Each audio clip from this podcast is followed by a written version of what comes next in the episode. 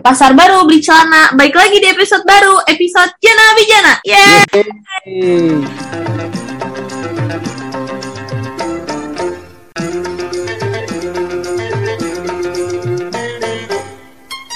Betul ini pantunnya kayaknya pernah denger deh. Apa sudah dipakai di episode sebelumnya ya? Yang penting nyambung gitu. Ya, bener. Udah lupa berapa, jadi episode baru aja biar coba. Oke, nggak apa-apa ya. Yang penting apa Gestarnya namanya? Ganti-ganti. Ganti-ganti. Nggak apa-apa. Pantun nggak masalah, bener. Yang penting isinya ya. Penting Don't judge the book but it cover. Yuk. Benar. Sae ngelesnya, aduh ya Allah. Ya udah, kita lanjut aja ke kabar kuningan. Oke. Kabar kuningan pertama datang dari republika.co.id tanggal 6 Februari tahun 2022. Judulnya Ngeri, gerombolan rampok kerak liar jarah warung dan pemukiman di Kuningan. Jadi gerombolan rampok ini atau di sini sih sebenarnya bukan rampok beneran rampok ya, tapi Iya. mereka ini adalah kera ekor panjang atau bahasa latinnya macaca fascicularis Hah? mereka itu mendatangi pemukiman dan warung warga yang ada di Desa Karangtawang, Kecamatan atau Kabupaten Kuningan. Ini bermula dari kegiatan pembersihan tempat pembuangan sampah di Blok Babakan Cikondang dan Blok Babakan Pojok, di mana kegiatan tersebut merupakan kegiatan rutin ya di desa tersebut tapi tiba-tiba mereka menemukan adanya kerusakan yang terjadi bahkan bukan hanya satu lokasi tapi ada beberapa spot lokasi Hmm? yang kandang ayam bahkan telurnya dicuri, kandang ayam hancur, bahkan musola pun rusak. Hmm, hmm, hmm. Nah, hal ini disebabkan oleh kera-kera liar yang tiba-tiba bermunculan. Ternyata jumlah koloni kera liar yang ada di lokasi tersebut itu hampir ada sekitar 100 ekor. Nah, Waduh. gila, ini banyak banget. Iya, bahkan orang-orang yang ada di sekitar tersebut tuh kalau ngelewat mereka tuh bakal diserang gitu. Iya, iya, iya. Dan ini yang yang membuat akhirnya petugas UPT Damkar Satpol PP Kabupaten Kuningan memasang pengusir alami gitu kera dengan cara mereka memasang bebauan kayak Oke. terasi gitu, terus kamper barus dan lain-lain. Itu upaya mereka untuk mengusir Tapi yang ampuh, nggak dijelasin. ampuhnya nggak dijelasin ya. Ya, Semoga ampuh lah ya. ya semoga ampuh lah ya. Apakah ya. ini tanda-tanda akhir zaman bahwa hewan berinteraksi dengan manusia? Iya, iya, iya. Iya, aduh. Aku sih, Ini bahasannya kok tiba-tiba jadi gelap gini ya? aku tahu udah skip. Yaudah, yaudah, jangan kita jangan bahas apa namanya akhir zaman dulu Iya, karena belum juga belum juga kita nikmatin. Ini udah Hmm. akhir zaman aja. Oh, Yang belum dinikmatin sama kita itu adalah apa? jalan baru yang ada di Oh iya benar ya, Cirebon ya. Lah, mana Iya. kan lagi di Termasuk- tadi? Emang nggak kemarin nggak nyoba? Enggak, mana sih sebenarnya kalau orang Oh, tadi udah. udah sih. Terus gimana nih? Bagus Wah, gila sih Nap. Sebenarnya kalau untuk bagus ya Iya. jalan pada umumnya gitu ya. ya jalan pada umumnya cuman memang ada kayak bekas pemotongan jalan yang tadinya bukit menjadi jalan itu kan jadinya kayak ada semacam Pandangan. pemandangan yang agak lumayan Oh. bagus lah kayak Oh. tebing-tebing gitu yang Hmm, hmm. sekarang itu banyak didatengin sama wara warga daerah bahkan bukan hanya di daerah setempat yang didatengin itu justru kayak daerah-daerah yang jauh mungkin di situ ada orang Luragung kayak gitu bahkan itu dari awal jalan baru sampai ke ujung jalan baru itu Mhm. banyak orang-orang tuh berhenti gitu kayak motor-motor gitu ngejejer gitu Oh, apalagi gitu. kalau misalkan pagi-pagi itu minggu pagi tuh ada yang San Mori gitu Oh, jadi iya. bukan hanya di daerah-daerah kota aja nah San Mori Ya. kayak gitu tuh Eh kuningan tapi saya itu sih tuh masuknya lewat mana sih? Keluarnya lewat mana juga? masuknya itu lewat terusan yang jalaksana. Jadi kan selama ini kan kita kalau jalan baru dari Tugu Ikan, kalau lurus Ya, iya. terus itu Heeh. kan sampai jalaksana ya. Heeh. Nah itu nanti akan berlanjut terus ke atas sampai ke. Nah kebetulan orang nggak sampai ujung sana sih, tapi katanya sampai Ancaran. Oh, berarti cepet ya kalau dari Ancaran. Iya, katanya kan sampai memangkas hampir setengah jam. Oh, terus nanti keluar di Cirebonnya di mana? Ya itu di Tugu Ikan itu di Sampora. Oh, aku kira langsung ke Cirebon ya. Itu mah masih Kagak lah. Ya kan lumayan nap. Oh, Itu memangkas macet di Kerucuk, macet di Cilimus. Cilimus ya sangat Cilimus itu beruntung banget iya jadi sih. ya berterima kasih lah kepada orang-orang yang membangun karena ini tuh katanya proyeknya proyek lama gitu loh. Iya, cuman mungkin kebengkalai kali ya. Kohol. ya nggak nggak tahu ya kita nggdah bisa ngejudge juga takut salah Iya, takut salah, tahu salah. Iya, dan selain itu juga uh, kemarin sempat ya ada peresmian uh, alun-alun Kuningan yang Ya. baru diresmikan tanggal 30 Januari oleh Bapak Ridwan Kamil. Hmm? Hmm, dan itu cukup meriah juga, walaupun Omikron juga lagi meriah nih. Iya. Ya, semoga ramai-ramai begitu. iya Kuningan semoga terhindari lah dari Amin, amin. Omikron. Oke, itu Naps untuk kabar Kuningan minggu Hmm. ini. Hmm? Selanjutnya kita mau bahas apa Naps? Kita bahas tentang eh, kemarin tuh kan sempat ada isu ini ya, sempat ramai juga sih di media sosial Kuningan itu tuh tentang pelecehan seksual. Cuman Oh. waktu itu terus terang Mhm. kita dari Jana Bijana kan sempat nge-reach ini orangnya ya, orang yang Mhm. bersangkutan. Cuman memang ya orang ya karena yang bersangkutan masih dalam proses hukum, jadi beliau masih belum mau lah bisa. di betul karena emang tanya-tanyain ada aturannya ya. aturannya. Oke. Jadi mungkin kita bakal membahas dari sudut pandang yang lain dari Iya, bintang iya. tamu kita yang kali ini. Oke, ya udah kalau gitu kita sambut aja ya Nap ya bintang Hmm. tamu kita pada kali ini ada siapa di Sokin? Halo, Halo Teh Naf, halo A. halo, Halo. kenalin siapa nih? Aku Anggi, ya Oke. Anggi Dwi. Anggi Dwi. Hmm. Kesibukannya Anggi Dwi, apa nih? Kesibukannya apa ya betul? Basic banget, Kesibukannya, basic dulu ya. ya oke. Kesibukannya sekarang lagi menikmati masa-masa menganggur sih. Ya ampun, ya nikmatilah, nikmatilah. Iya. Emang sebelumnya ngapain? Kok Aduh sebelumnya, sebelumnya hektik, lumayan hektik ngerjain Hmm. skripsi sih. Oke. Oh, baru Hmm. berarti ini ya di era skripsi online. Iya betul, Oke. Enak gak sih Nah. ski online? Mm-mm. Enak lah ya. lumayan. Ada enaknya, ya. ada gak enaknya ya. Emang bet- euforianya aja ya. Eh btw Anggi itu jurusannya jurusan apa? Aku jurusan bimbingan dan konseling. Oh bimbingan dan konseling. Iya, Berarti calon-calon guru BK nih. iya. Wah Bisa, galak bisa. nih Nap. Waduh. Emang keguruan. Iya di UPI. Oh, UPI iya sih Hmm. kalau Iya nih calon-calon kalau misalkan ada anak bandel, nah ini Hmm. tarik nih sama Waduh. Jangan itu stigmanya itu stigma Stigma zaman lama ya? lagi sekolah Oh. nih pasti. Oh, Oh berarti gitu. Anggi bisa baca karakter Agi ya? Kan bukan peramal. Oh. Enggak. Kan kadang-kadang iya nggak sih ada nggak sih ilmu psikologinya kayak ngelihat orang jalan, ngelihat ekspresi itu tuh bisa kebaca ini karakteristiknya gimana? Iya nggak sih atau emang aku so tahu aja? Kalau di psikologi sih mungkin ada ya Teh. Aku juga kurang tahu kalau di psikologi. Tapi kalau di BK sendiri sih mm, nggak ada ya kalau cara jalan atau gimana Oh. gitu nggak ada. Pribadian Cuman- doang sih paling. oh, kepribadian ya. Perbedaan. Cuman yang tadi yang stigma sama ya kayak gitu. Eh, ketika guru BK itu hanya mengurusi anak-anak bandel aja gitu. Hmm. Nah, kalau boleh tahu sebenarnya guru BK itu Tugas fungsinya utamanya apa dong kalau gitu yang yang sebenarnya seperti apa gitu Iya. biar menghapus stigma ini. Sebetulnya sih kalau sekarang tuh malah lagi gencer-gencernya anak-anak BK, mahasiswa atau dosennya tuh ngasih stigma kalau BK itu bukan polisi sekolah karena pengennya tuh bisa akrab gitu sama anak-anak. Jadi BK tuh nggak selalu dikaitin sama emang sama orang-orang yang punya masalah gitu. Semua orang tuh bisa berhubungan langsung sama bimbingan dan konseling gitu. Kayak Oke. gitu. Jadi artinya jangan pernah takut datang ke ruang BK ya. Ya, curhat-curhat biasa juga boleh sih sebenarnya. Nggak harus Iya. yang rambutnya panjang kena razia itu. Soalnya dulu nggak ada mata kuliah razia ya, nggak ada itu. Betul juga ya. Iya iya iya. Dulu iya. orang keluar dari BK tuh kayak anjir nih masalah apaan Iya, gitu.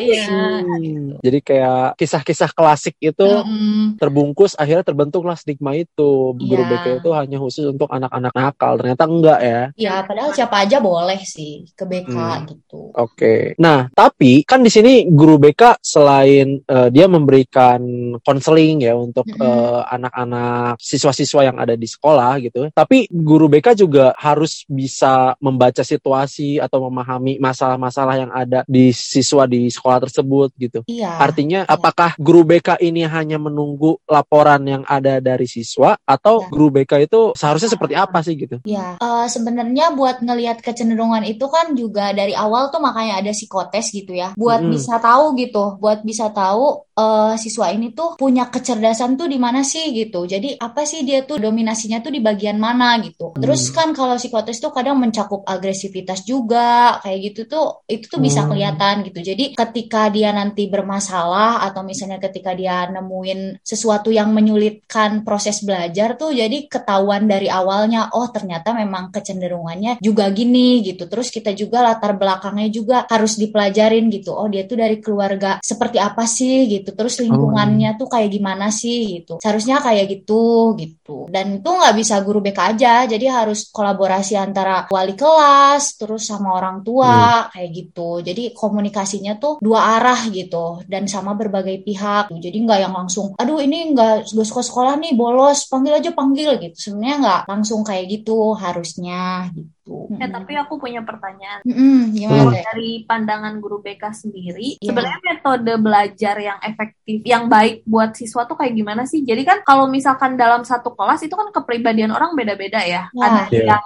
dikerasin baru masuk, ada yang harus dilembutin baru masuk. Mm-mm. Nah, sebenarnya kan pasti ada titik tengahnya tuh di antara yang harus dikerasin sama harus dilembutin. Nah, Iya. sebenarnya metode belajar yang efektif buat guru terapin ke murid yang bisa ditangkep tuh yang kayak gimana sih sebenarnya? Ya, sebenarnya sih kan kalau ngelihat dari orang-orang kan beda-beda juga ya, harus kayak Hmm. gimana. Sebenarnya ya perlu ada adaptasi juga sih antara guru sama anak-anaknya gitu. Misal nih, gurunya memang udah udah pakai biasa pakai cara kayak gitu. Terus ternyata anak-anaknya nggak bisa oh ya nanti kita bisa obrolin lagi nih antara guru sama anaknya gitu. Ternyata eh, gak cocok nih kayak gini. Apa nanti khusus dia itu ada pembelajaran tambahan atau misalnya perlu dikasih tugas lagi atau kayak gimana itu tuh harusnya sih bisa komunikasi antara siswa sama gurunya tuh terjalin bukan cuma di kelas aja gitu. Jadi ya kalau di kelas ya jalan aja umum secara umum gitu. Tapi nanti kalau ada kesulitan gitu nanti dikonsulin lagi jadi makanya bisa ada bimbel lagi gitu atau misalnya ada remedial bukan remedial benerin nilai tapi memang remedial Hmm. khusus dengan cara belajar dia gitu tuh gimana gitu. Jadi kalau di Oh. kelas sih ya karena orangnya banyak ya yang general-general aja yang guru bisa bawain gitu. Cuma nanti kalau nggak masuk apa perlu ada pembelajaran tambahan gitu. Kayak gitu sih Hmm. itu perlu diobrolin lagi gitu. Oke, tapi kalau sekarang kayaknya udah dilarang ya guru yang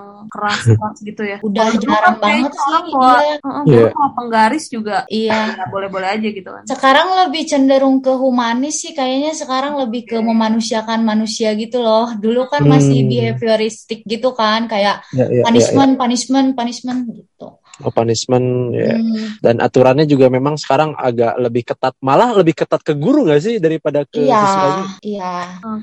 Tapi ngomong-ngomong soal aturan nih, Hmm. eh, orang juga penasaran sih. Nap. Kan dulu tuh kalau dari pengalaman kita pas waktu sekolah gitu ya, kan kita tuh hal kecil aja contoh sepatu itu harus sama, Mm-mm. Iya, benar. warnanya itu harus hitam gitu, harus Hmm. bertali, nggak boleh ada yang nggak bertali kayak gitu-gitu. Mm-mm. Nah, sekarang itu aturan itu apakah masih seperti itu? Dan pertanyaan keduanya, apakah si aturan tersebut relevan gitu?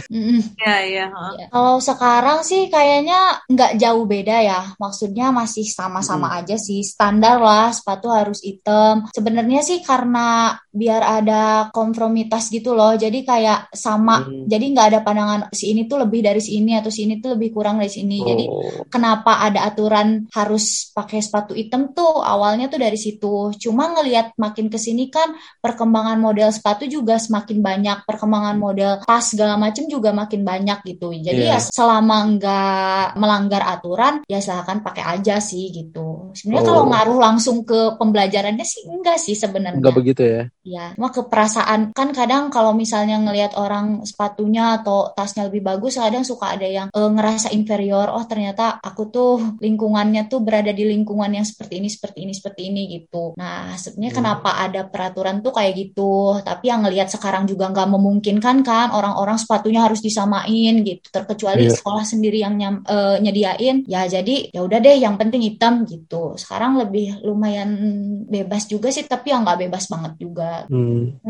Soalnya ini Nap, ya selama ini kan kita bahas soal aturan itu rata-rata lebih banyaknya agar kita itu menyamaratakan eh, siswa jangan sampai ada yang lebih kaya, lebih miskin segala Iya. macam. Tapi ternyata permasalahan yang sering terjadi saat ini adalah bukan soal kesenjangan itu, justru Mm. kayak hal-hal yang tadi yang sempat dibahas di awal yaitu terkait pelecehan seksual. Yang mana itu bahkan sering terjadinya justru di lingkaran eh, sekolah gitu. Hmm. Karena yang jadi korban itu ya anak-anak sekolah lebih seringnya, ya nggak sih? Iya, apalagi apa biasanya di usia-usia balik gitu loh kayak pengen explore. Hmm, Iya. explore. Explore kan, kayak pengen tahu gitu. Terus Uh-uh. jadi salah langkah gara-gara mungkin ya agak kurang ada arahan juga mungkin Hmm, ya.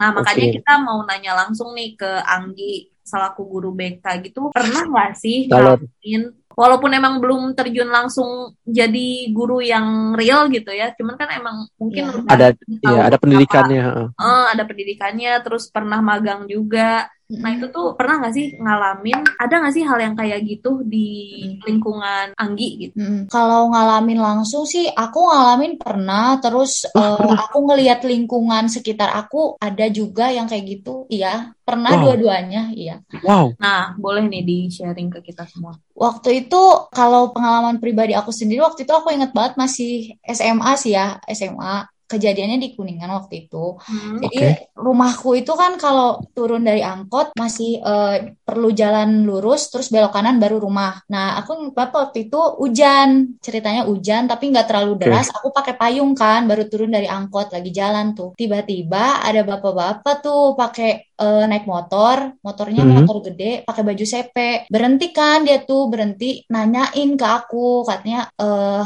teh tahu gak jalan ke jalan yang besar gitu jalan raya sebelah mana pas aku lagi mau nerangin langsung dicolek bagian dadanya gitu loh kayak Astaga. tapi emang nggak kena sih emang kenanya ke bagian perpotongan antara leher sama pundak cuma kan kaget banget gitu terus pas gitu dianya langsung ngegas gitu langsung pergi itu aku langsung melongo gitu loh langsung kayak ah kenapa nih gitu kayak terlambat sadar gitu ngelamun terus sampai rumah nangis iya itu Iya, Wah, shock ya. Hmm, pengalaman Pengalaman aku sendiri ya trauma Kalau- sih itu. Iya. kalau pengalaman orang lain sih ya di orang-orang di sekitar aku, apalagi anak SMA itu rata-rata sering jadi korban eksib sih orang yang eksib. Oke oke oke. Mm-mm, iya. Oh, apa itu exit? Jadi dia tuh punya kelainan seksual kalau misalnya udah memperlihatkan apa yang dia Oh, punya tuh iya jadi iya kayak iya, paham paham. merasa Puas ya. "Oh," gitu, ngerasa puas gitu. Nah, itu lumayan Hmm. sering lah di lingkungan kampus aku ada orang kayak gitu. Iya sih. Nah kalau misalkan dilihat dari sudut pandang Anggi sendiri, Mm-mm. kenapa sih hal itu tuh terjadi? Kalau dari aku ya, kalau pendapat aku, eh, pelecehan seksual tuh bisa terjadi ketika ada seseorang nih atau pelaku yang gagal buat memahami gimana sih cara memenuhi hasrat seksual yang dia miliki gitu.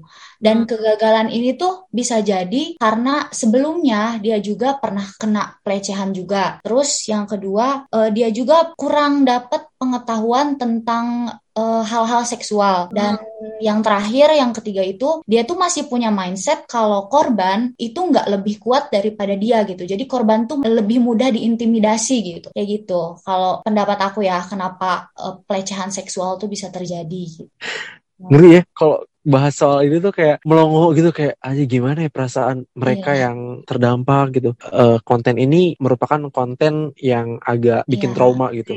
Oh, Khawatirnya ada- warningnya gitu. Iya, Iya. karena ini bahasannya agak cukup eh, bikin traumatik sih. Tapi Wow. Anggi tahu nggak sih kemarin sempet ada yang viral gitu di Kuningan kasusnya? Iya, sempet ada beberapa deh kayaknya aku yang di Elf juga. Ya iya yang di Elf itu. Iya, iya. Nah itu yang mau tadinya tuh aku sama Agi mau wawancara yang kena di Elf itu, cuman Oh. memang dia masih dalam kasus hukum, jadi Iya. masih belum mau klarifikasi gitu. Iya, Makanya dan kayak zaman sekarang tuh emang kayak bukan nggak asing juga sih, cuman ya emang sering terjadi juga. gitu. Iya, iya. Iya. Bukan pembenaran tapi juga Hmm. bukan hal yang kayak baru juga sih Hmm. gitu. Apalagi pelecehan seksual yang paling common itu kan kayak catcall itu kan Oh iya iya ya benar. Ya. itu sering kan maksudnya dialami mau cewek mau Hmm. cowok kayaknya pernah ngalamin gitu. Benar benar benar. Nah, Iya. cuman kan Anggi sendiri nih pernah ya ngalamin Ya, pelecehan seksual yang kayak gitu. Itu kan pasti ada traumatik sendiri ya dari sisi Iya. Anggi. Nah itu tuh gimana buat nyembuhin? Aku nggak tahu ya Anggi udah sembuh traumanya atau belum. Cuman at least apakah kamu udah bisa nerima kejadian tersebut atau masih ada trauma atau kalau emang udah sembuh gimana cara nyembuhinnya Hmm. walaupun lama ya mungkin ada tahapannya seperti apa gitu. Kalau aku sih waktu itu beberapa hari setelah kejadian itu aku nggak mau lewat situ sih. Jujur kayak Oh. kayak takut aja gitu, kayak takut kejadian itu lagi. Bahkan sempet dari pihak keluarga pun sempet nanya sama tetangga-tetangga gitu, kenal nggak bapak-bapak pakai motor ini eh, pakai baju CP gitu. Cuma kan yang baju CP kan banyak gitu loh, yang lewat-lewat juga banyak gitu. Jadi kayak kemungkinan untuk ketemu kayaknya Sulit ya. kecil gitu. Jadi ya cara aku untuk mencegah itu terjadi lagi ya nggak lewat situ gitu. Menghindari. Hmm. Heeh, cuma ya kan mungkin juga ada yang pernah ngalamin lebih parah dari aku gitu. Bahkan hitungannya bukan cuma hari itu aja, bukan saat itu aja, tapi bertahun-tahun gitu. Kalau udah Hmm. kayak gitu kan eh, penyembuhan traumanya lebih kompleks daripada apa yang aku alamin kan. Kalau aku cukup dengan gak jalan ke situ aja udah rasa baikan gitu. Hmm. Tapi ya untuk orang-orang yang memang selama bertahun-tahun mengalami pelecehan ya eh, penyembuhan traumanya justru bertahap gitu. Bahkan perlu profesional lain selain guru BK ya kayak psikolog atau bahkan psikiater gitu untuk ngasih resep obat-obatannya kayak gitu sih. Iya, iya. Hmm, Karena harus mau nggak mau harus diobati nggak sih? Kayak ya, sebenarnya gini loh, pendapat pribadi aku ya, kayak Iya. orang-orang tuh terkadang takut datang ke psikolog gitu ya, Uh, termasuk kayak teman-teman atau siswa-siswa yang takut untuk masuk ke ruang guru BK gitu kan. ya, Itu sebenarnya permasalahannya adalah ketika mereka tidak mengetahui kalau orang datang ke psikolog itu nggak selalu dia itu orang gila gitu. iya, Termasuk betul. orang yang datang ke ruang guru BK itu tidak selalu siswa yang bermasalah. Iya, Iya iya, Nah, stigma itu yang seharusnya mulai dari sekarang itu sekolah-sekolah sudah mulai meng apa ya, me- me- mengiklankan itu gitu, maksudnya Mm-mm. nge, nge- nge- announce itu, nge- ngasih tahu informasi-informasi yang kayak gitu gitu. Karena bagi aku sekarang penting gak sih? Kayak orang-orang tuh nyebut self healing itu tuh kayak bahasa-bahasa iya, jaksel ya. iya betul. Tapi sebenarnya hal itu memang sangat dibutuhkan di kondisi yang sekarang yang sebenarnya akses segala macam gampang didapat gitu. Mm-mm. Ya kan? Dan Iya. ya seharusnya sudah sudah di sudah sudah mulai digalakan itu karena zaman sekarang masih ngurusin aku balik lagi ini ini nggak tahu pasti banyak orang yang nggak sependapat tapi ka- kalau bagi Hmm. aku daripada ngurusin hal-hal yang nggak penting semacam remeh-temeh sepatu yang harus disamakan lebih Hmm. baik membahas soal hal-hal yang kayak gini gak sih kayak Iya, sekolah itu lebih membutuhkan hal ini gitu lebih Hmm. lebih dibutuhkan utama tuh utamanya itu Iya. gitu Mm. Ya mungkin karena di setiap sekolah tuh pasti masih ada orang dulunya nggak sih. Jadi Iya, ada juga kan Nah. yang berpikiran sorry kolot gitu kan. Jadi Iya. kadang-kadang nggak mau dirubah gitu mindsetnya. iya betul. menterinya udah muda masa Hmm. Iya. pemikirannya masih kolot ya Loh justru ini PR-nya Anggi loh. Iya. oh iya benar Ini sebenarnya ya, kayak ini sih apa namanya tuh eh, menurut aku kayak bukan hanya salah satu pihak gitu loh. Jadi kadang tuh ya Hmm. kita juga kalau ngomongin masalah ini ya pengennya sih anak tuh atau peserta didik atau siswa tuh bisa sejelas mungkin paham gitu soal mawas diri atau soal apa namanya tuh hal-hal yang berkaitan dengan kesehatan mental gitu. Cuma ya akan berhubungan sama masalah lain ya contohnya guru BK di sekolah yang bener-bener kuliah BK pun Hmm. masih bisa dihitung gitu jumlahnya Nah, gitu kan iya. Nah, gitu terus yang bener yang bener-bener ngerti tuh kadang juga nggak mau jadi guru gitu kadang Oh, iya, pengennya iya. jadi iya kerja di tempat lain kayak gitu ditambah dengan sistem sekolahnya yang kadang udah punya budaya sendiri gitu jadi mau bawa ide-ide baru juga kayak kagok gitu loh ngasih tahu bener, bener, gitu Mm-mm. Iya, Padahal ini- perlu kerjasama sih gitu Iya. Hmm. Karena ini kasusnya mirip-mirip sama yang kemarin, Nap. Yang episode kemarin yang kita berkenalan dengan guru olahraga, mm, di mana banyak guru-guru olahraga yang di-hire untuk menjadi guru olahraga gitu di sekolah, itu hanya karena mereka seneng nonton ini Liga Champion. nonton. Oh iya, Liga Champions. Padahal dulunya wow gak punya basic apa pun gitu. Iya. Kayak misalkan dulunya guru matematika atau guru kesenian, gara-gara dia paham so- soal sepak bola, gitu, sering nonton, terus baru Iya. di-hire. Itu kan kayak remeh banget wow gitu. Nggak punya basicnya sebenarnya ya. ya itu Iya, dan itu ter- terjadi gitu di di sekolah-sekolah yang sekarang gitu. Mm-mm. Termasuk guru BK yang menurut aku Mm. sebenarnya ini penting banget gitu. Hmm. Kayaknya episode kali ini tuh kita sedikit banget ketawa-ketawanya. Karena menyangkut mental saya. Iya karena gak, gak berani ngejek juga sih. Salah dikit juga ciduk mana. Hmm, itu dia. Oke deh Nap. Kita langsung bahas ini aja deh. Apa? Kepribadian Angginya aja deh kalau gitu. Oke. Boleh, boleh. ya udah. Pernah Kita- dengerin gak Anggi Apa podcastnya kita? Iya, Oh. pernah pernah. Oh, pernah ya? Oh ya, jadi kita punya segmen namanya This or That. Wow, disordered.